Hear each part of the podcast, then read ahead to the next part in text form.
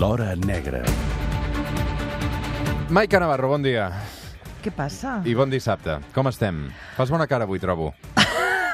Dic perquè és dissabte i a vegades saps què passa els dissabtes amb la Maica. Uh, perdona, però no et trobes coses així... mm, Sí, t'has pintat les ungles de color vermell. I, i, Ah, més, co- i, mis- me- I més coses. Vaig de, em- sempre em renyes de que vaig de negre, No, però avui... doncs avui sí. Vaig d'un blau elèctric primaveral, El tema de les... preciós. Sí, sempre, clar, les, les ungles jo te les he vist de color negre, normalment, no? No? La mare que em va matricular. No m'hi fixo, no m'hi fixo. No et fixes no en fixo, res. fatal. Horrorós. De quin color, color tenen els ulls? Dels ulls d'un color verd-blau, no? Verd blau. Sí, un verd-blau. Ostres. Soc una mica daltònic. Va escoltar Maica Navarro. Avui, a l'Hora Negra, un cas Ai. que ens hem de remuntar fins al 2014. Sí. Lo siento por su familia, por supuesto, y nada más.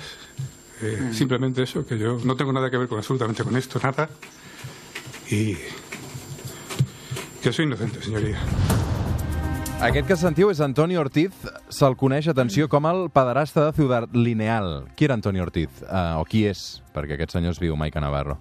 Aquest senyor es viu, aquest senyor està complint una condemna de 70 anys, eh, condemnat per una oleada d'agressions sexuals, de violacions a unes menors d'edat a, a Madrid el 2014. Ortiz és un, un monstru, un monstre, i es va convertir en una autèntica malson pels veïns, les veïnes de, de Madrid. Jo crec que de tota Espanya que vam seguir amb autèntica commoció i, angu i angústia, angoixa, a les investigacions de la policia fins que aquests mesos en què es va produir aquesta caça, caça a l'home, caça aquest, aquesta mena de monstre.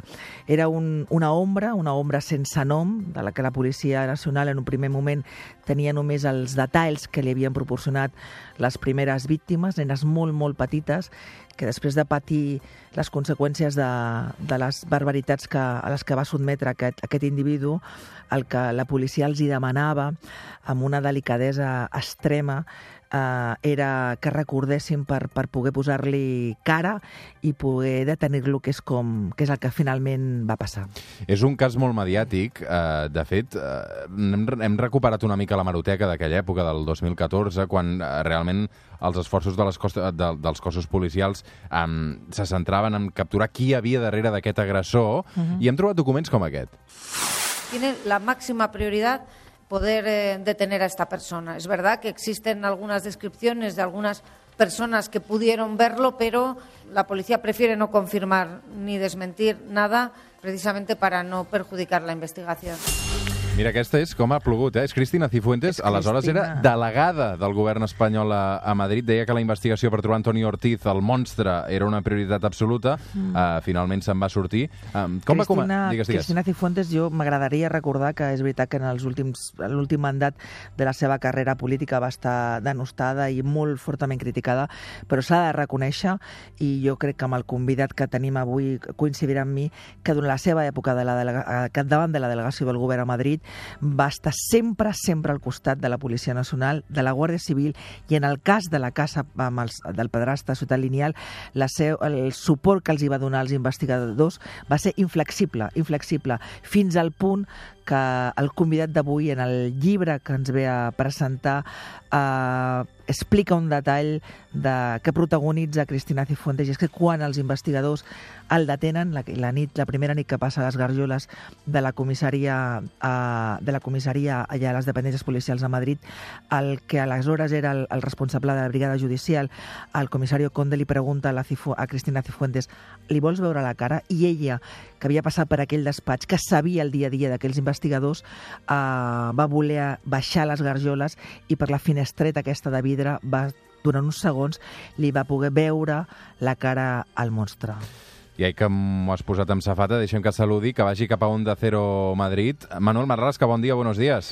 Buenos días, ¿qué tal? Buen día. Molt bé, i tu com estàs, Manuel? Pues bien, bien, estoy muy bien, la verdad. D'entrada, felicitats pel llibre. El Manuel Marlasca és periodista de La Sexta, el seguim també habitualment, eh, és bon company de la Maica Navarro i ha fet aquest llibre eh, fantàstic sobre, sobretot, bàsicament, la investigació d'aquest cas, de com la policia va aconseguir atrapar Antoni Ortiz després d'unes quantes agressions eh, i després de, doncs, de tot aquest periple eh, fins a arribar-hi. Um, Manuel, ¿cuándo tú ves que esto se puede convertir en un libro? Bueno, yo seguí, como tantos otros periodistas desde aquí, desde Madrid, la, evolución de la Operación Candy, desde que se hace oficial que hay una operación abierta, que es en abril del año 2014, tras el ataque a una cría que se llama, que en el libro ya llamado Paula, y la seguí durante esos meses hasta la caza en, del pederasta en, en, Santander, en el mes de septiembre, ¿no? Lo que pasa es que siempre tuve la sensación de que habían quedado muchísimas cosas por contar, eh, por varias razones. Una, porque los policías que participaron en esta operación, la gente del, del SAF, de lo que hoy se conoce como UFAM, eh, eran gente de perfil muy bajo, gente muy poco amiga de hablar con los periodistas, dieron la cara en todo momento los responsables máximos de la policía y no pudimos acceder prácticamente nada a, los operativos, ¿no?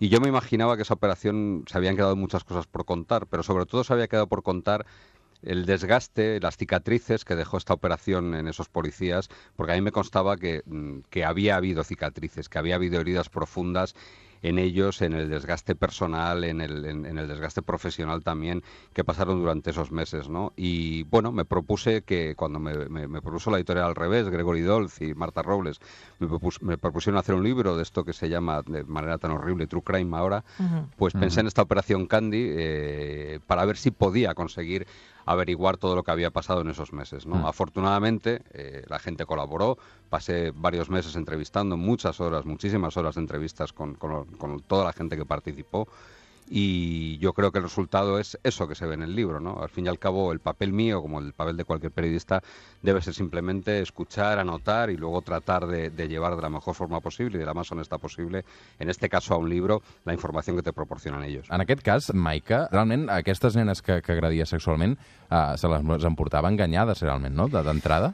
Sí, ell tenia un primer modus operandi que a mesura que la investigació avança ell va perfeccionant, perquè a més a més té com molta, una actitud molt, molt, de, molt forense d'intentar allò esborrar tot tipus de, de senyals que puguin arribar fins a ell i el que feia bàsicament era aquest mateix modus operandi, que és aproximar-se i amb una actitud doncs, dolça fins i tot. Ell té un aspecte que en principi podria ser com agradable, així ros. És veritat que fins al final una de les últimes víctimes sí que dona més, més, més detalls sobre aquest suor, aquesta musculació, aquestes venes i més, però les primeres parlaven d'un home molt agradable que sempre feia servir com a, com a excusa doncs, que la mama eh, tenia, una cosa per tu i que a més a més l'havien d'acompanyar al cotxe per, per, doncs, per donar-te una cosa que, per provar un vestit o per donar alguna cosa, unes golosines o tal. I aquesta era la manera, doncs ella, ells anava a les zones de, principalment doncs, als parcs o allà on havia més allò, nenes i tal, i el que feia era aproximar-se, enganyar-les i en tots els casos, en gairebé tots els casos, doncs, portar-los fins al cotxe. Però fixa't que, i eso Manuel lo explica muy bien en el libro, cómo, ese, cómo el Ortiz va cambiando su, su modus operandi cuando se ve que, bueno, cuando el caso estalla la opinión pública y cambia no solamente la manera de actuar, sino su caladero de, de víctimas. Eso es cierto. El problema, uno de los grandes problemas de esta investigación es que, eh, como bien explicaba Maika, eh, Ortiz era un tipo invisible, que se hacía prácticamente invisible y que, que se acercaba con tanta dulzura a las niñas que nunca había un, ningún signo violento, ningún agarrón, nadie daba una voz más alta que otra, entonces eso le convertía en alguien absolutamente imposible. Una de las convicciones que tuvieron los investigadores, casi desde el primer momento, cuando interrogaron a las niñas y vieron cómo se las llevaba, era que era alguien de aspecto, incluso de voz, muy agradable. Eh, y una de las eh, obsesiones de algunos de los investigadores era que había que buscar a un tipo con aspecto muy, muy, muy agradable, con alguien que no pudiese infundir no solo miedo, sino ningún temor ni ninguna sospecha a ninguna cría, ¿no? Porque él se acercaba, además, eh, él, como bien decía Maika, tenía cierta conciencia forense y sabía perfectamente por dónde le podían pillar, ¿no? Entonces él en dos de las agresiones sexuales él borra todas las huellas posibles. Afortunadamente no borró todas, pero intentó borrar todas las huellas posibles luchando a las niñas. Pero lo que sí que hacía y ponía mucho cuidado es en hacer una especie de, vigilancia previa, de tal manera que se aprendía los nombres de las crías y las llamaba por su nombre muchas veces, ¿no? Lo cual, bueno, pues infundía, no infundía ningún tipo de sospecha en las niñas, ¿no? Si una, a una cría de 7, de 8, de 9 años le, alguien la llama por su nombre y le dice, oye, tengo unos vestidos en el coche que me ha dicho tu madre que te tengo que probar, te voy a vestir como una modelo, o vamos a dar una sorpresa a tu abuelo, que eran las excusas que utilizaba, pues evidentemente eso mm, propiciaba que no hubiese nunca ningún, ningún resto de violencia en sus ataques, ¿no? En, en, esa primera fase de los ataques. Y eso le convertía en invisible, porque hay que recordar que dos de los ataques del pedasta de Ciudad Lineal los hace cuando ya el, el dispositivo Candy está en la calle y cuando hay decenas y decenas de policías uniformados y sin uniformar por la calle y delante de sus narices se lleva las niñas. Hubo un testigo clave que cambió su suerte, que era Paula, ¿no? La segunda víctima. ¿Qué pasó? Bueno, Paula es un testigo excepcional. Aparte de una niña excepcional, es, eh, bueno, es impresionante. Mm. Eh, pues es una cría que con eh, una edad muy cortita para eso, nueve años, él pensaba que tenía menos porque es una cría muy menudita. Ella describe perfectamente el coche del pederasta, describe perfectamente el edificio donde la lleva, mm, tan perfectamente que hace un dibujo que cuando la, policía encuentra el edificio mm, se queda pasmada porque se da cuenta de la fidelidad con la que había reflejado ella en su dibujo el edificio, la portería, se fija hasta en, la botonera del ascensor, se fija en cuántos pisos tiene el edificio, en cómo son las puertas de entrada, se fija en la, en la casa, da con todo detalle la disposición de la casa, hasta el punto de cuando la policía llega por fin a ese piso de la calle Santa Virgilia, se da cuenta de que lo que había hecho esa cría era una fotografía prácticamente. ¿no? Es una testigo excepcional a la que la policía utilizó mucho la policía se la llevó a concesionarios de coches en busca del modelo exacto en el que, se había subido. La policía la llevó a un montón de casas para que identificase la casa. Eh, y es una testigo que en, el, desde el principio de la investigación hasta el final se convirtió seguramente en la mejor arma que tuvo la hmm. policía contra él. No solo eso, sino que ella cuando en uno de los trayectos en el coche, pese a estar mm, drogada, seguramente con nunca se pudo determinar la cantidad, pero con ¿cómo se llama esto, Manuel? Orfidal. Orfidal seguramente con Orfidal, lo que se utiliza o que lo utiliza cierta gente para dormir. Ella recuerda, memoriza cuatro números, mm, cuatro números que la policía se volvió loca para saber cuáles eran esos números, hasta que la hija de uno de los investigadores, sentada en uno del, en el coche, imagino que debe ser de su padre, de su madre, de su madre, hay un momento que dice, oye, pues quizá lo que Paula estaba diciendo que no encuentra al papá es estos cuatro números, esto, y eran la referencia del, del, de la ventanilla del coche en el que había viajado. Para mí, una de las, de, las cosas buenas de este, de este libro es cómo Manuel eh, reproduce cómo la policía, cómo esos investigadores, cómo ese grupo al que se que, que, que, Conde, que el comisario consiguió aislar de todo el mundo, ese grupo mixto de tres hombres y tres mujeres de la Policía Nacional que dejaron de vivir solamente para cazar a, ese monstruo, cómo, mm, cómo trabajaron con ese material tan delicado que implicaba esas niñas que acababan de pasar por esa barbaridad.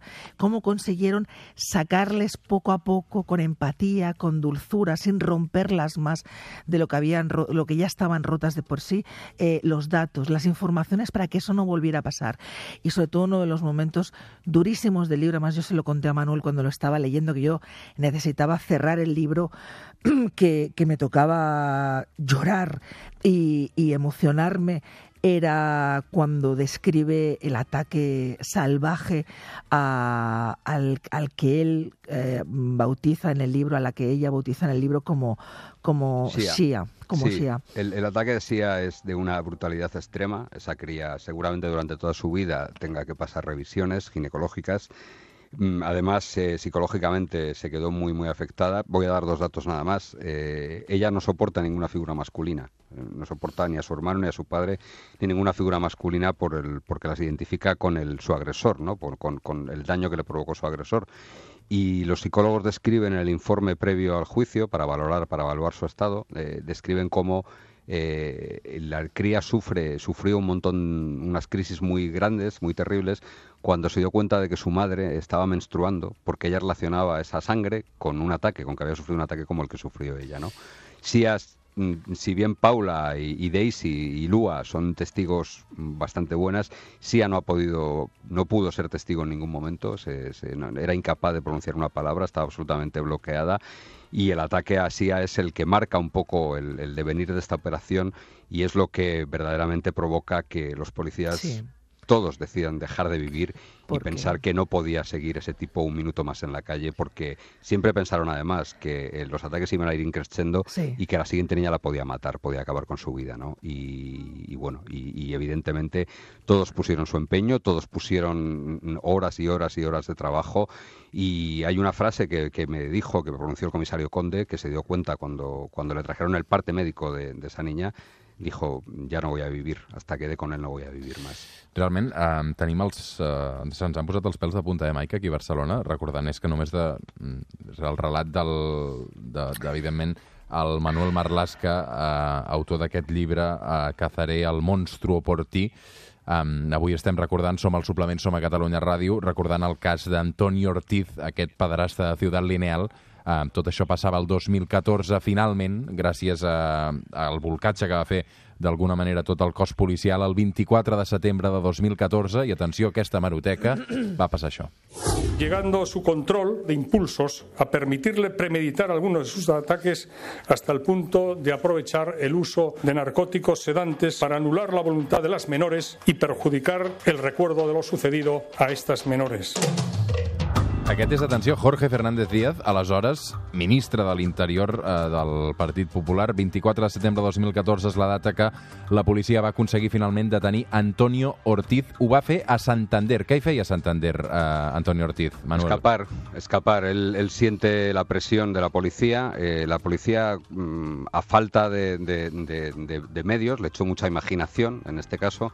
Y lo que hizo cuando se produce el último ataque, eh, la cría describe a un hombre que está muy musculado, muy vascularizado. Ella dice que tiene muchas venas, está muy vascularizado y que sudaba mucho y que estaba continuamente sudando. El, el viejo comisario Conde, ya jubilado, se da cuenta de que eso puede corresponder a alguien que acaba de salir de un gimnasio y que está en fase seguramente de, volumen y que, y que por tanto eh, necesita mucha agua, aun después de ducharte uno sigue sudando y esa vascularización extrema le hacía pensar en alguien que está pasando por un- un- una fase de volumen, ¿no? Está entrenando. Entonces lo que hace el comisario Conde es poner un dispositivo en las puertas, en las cercanías de los gimnasios, de las zonas donde él se movía. Y efectivamente así logran dar con un individuo al que identifican y que resulta ser Antonio Ángel Ortiz, le piden el DNI y ya tienen alguien con quien de quien tirar, ¿no? Había unos retratos robot eh, bastante bien esbozados, uno de ellos lo hizo el padre de Paula precisamente, sí, te iba a el- mejor ahora. retrato Sí. lo hizo el padre de Paula y en base a ese retrato eh, ellos identifican a este individuo, le ven eh, cuando lo identifican se dan cuenta además de que lleva una toalla como la que describía la víctima, una botella como la que describía la Pequeña, víctima y ya tiene un objetivo en el que centrarse, ¿no?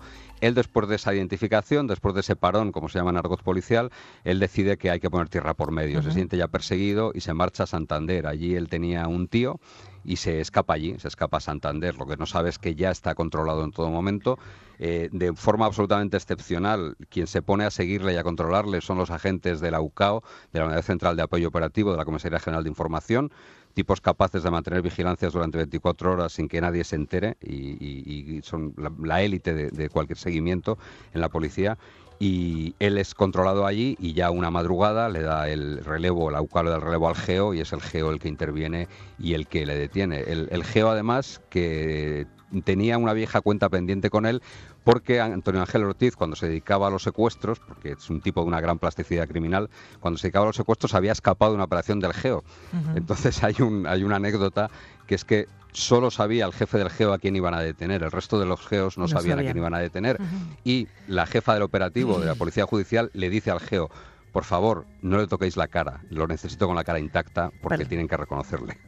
Es en esa, e- e- esa cara que, que después reconocieron con una valentía eh, indescriptible las, las víctimas a las que se les, se les pidió con una delicadeza extrema esa, esa magistrada que además Manuel le dedica también unas, unas buenas una algunas páginas en este en este en este recomendable recomendable libro porque es verdad que se habla mucho ahora y mal de, de la justicia en ocasiones pero esa magistrada consiguió tunear su, su despacho y convertirlo casi en una sala de juegos para que las crías incluida Shia a los brazos de, de ella con su dedo señalara a ese hombre como el que le había hecho, Yo le había hecho tanto daño. Yo llevo en esto de los sucesos 31 años y yo nunca había visto algo parecido. Eh, tuve la ocasión, porque me lo, facilitó, me lo facilitó una de las partes del, del procedimiento, de ver los vídeos de las declaraciones de las niñas y de las ruedas de identificación.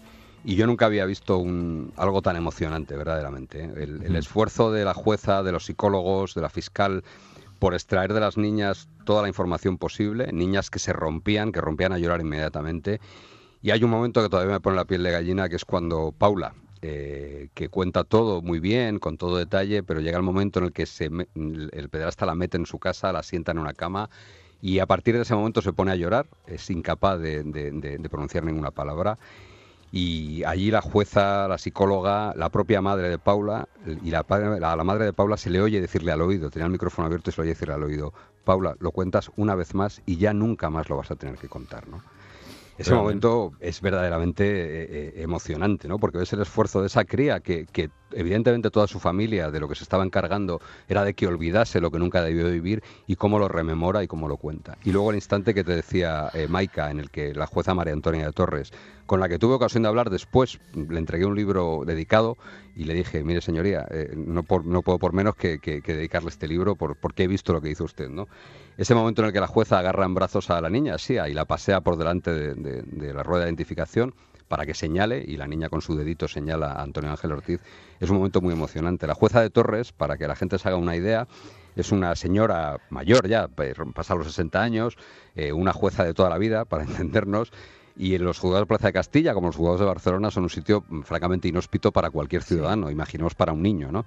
Y esta jueza lo que hizo fue llenar el despacho de muñecos, de chucherías, de coches, de globos, para que las crías poco más o menos que se sintiesen pues como en una guardería o como en una sala de juegos para poder obtener lo mejor de ellas, ¿no? Creo que, hay que reivindicar el papel de, esa jueza en esta investigación.